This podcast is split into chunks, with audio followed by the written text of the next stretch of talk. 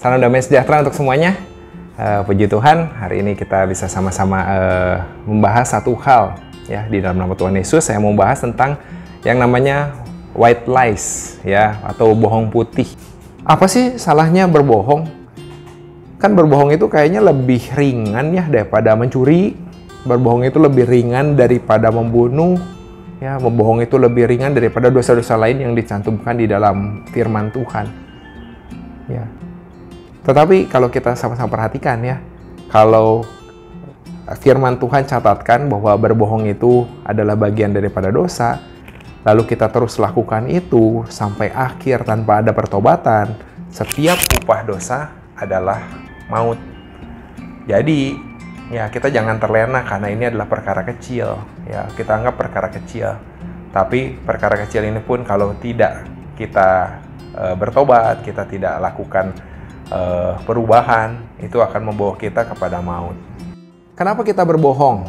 Kadang-kadang kita berbohong karena kita tidak tahu harus berkata apa. Kadang-kadang kita berbohong karena kita anggap itu adalah satu hal yang mudah.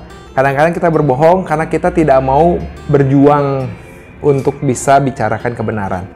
Kalau kita bicara ini kita harus lihat dulu eh, bagaimana uh, firman Tuhan uh, boleh mengatakan hal ini ya. Saya akan uh, bacakan dari Yohanes pasal 8 ayat 44 sampai 45. Ayat 44, Iblislah yang menjadi bapamu dan kamu ingin melakukan keinginan-keinginan bapamu. Ia adalah pembunuh manusia sejak semula dan tidak hidup dalam kebenaran.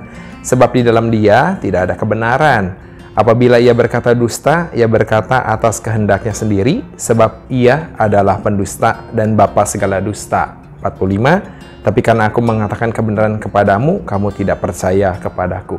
Dalam Alkitab menyebutkan ada dua hal. Yang pertama adalah yaitu dusta itu sendiri, dan yang kedua adalah kebenaran. Ya, selalu ada hal yang seperti ini. Ya, ya.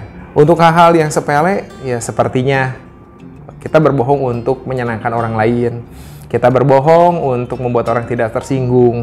Ini adalah hal-hal yang kecil yang sering kali juga kita lakukan.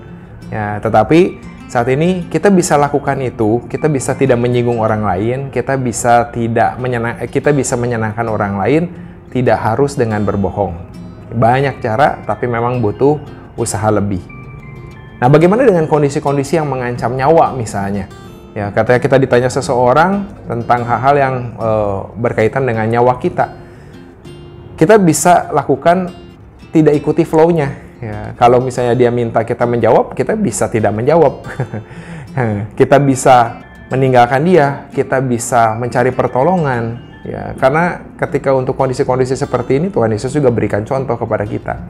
Ya, Tuhan Yesus sering kali tidak ikut flow yang diminta, flow yang diarahkan oleh orang-orang yang ingin menjebak dia. Tapi Tuhan Yesus memakai caranya sendiri. Nah, kita juga kalau kita menjalankan kebenaran, Tuhan Yesus juga akan pimpin, berikan hikmat untuk kita.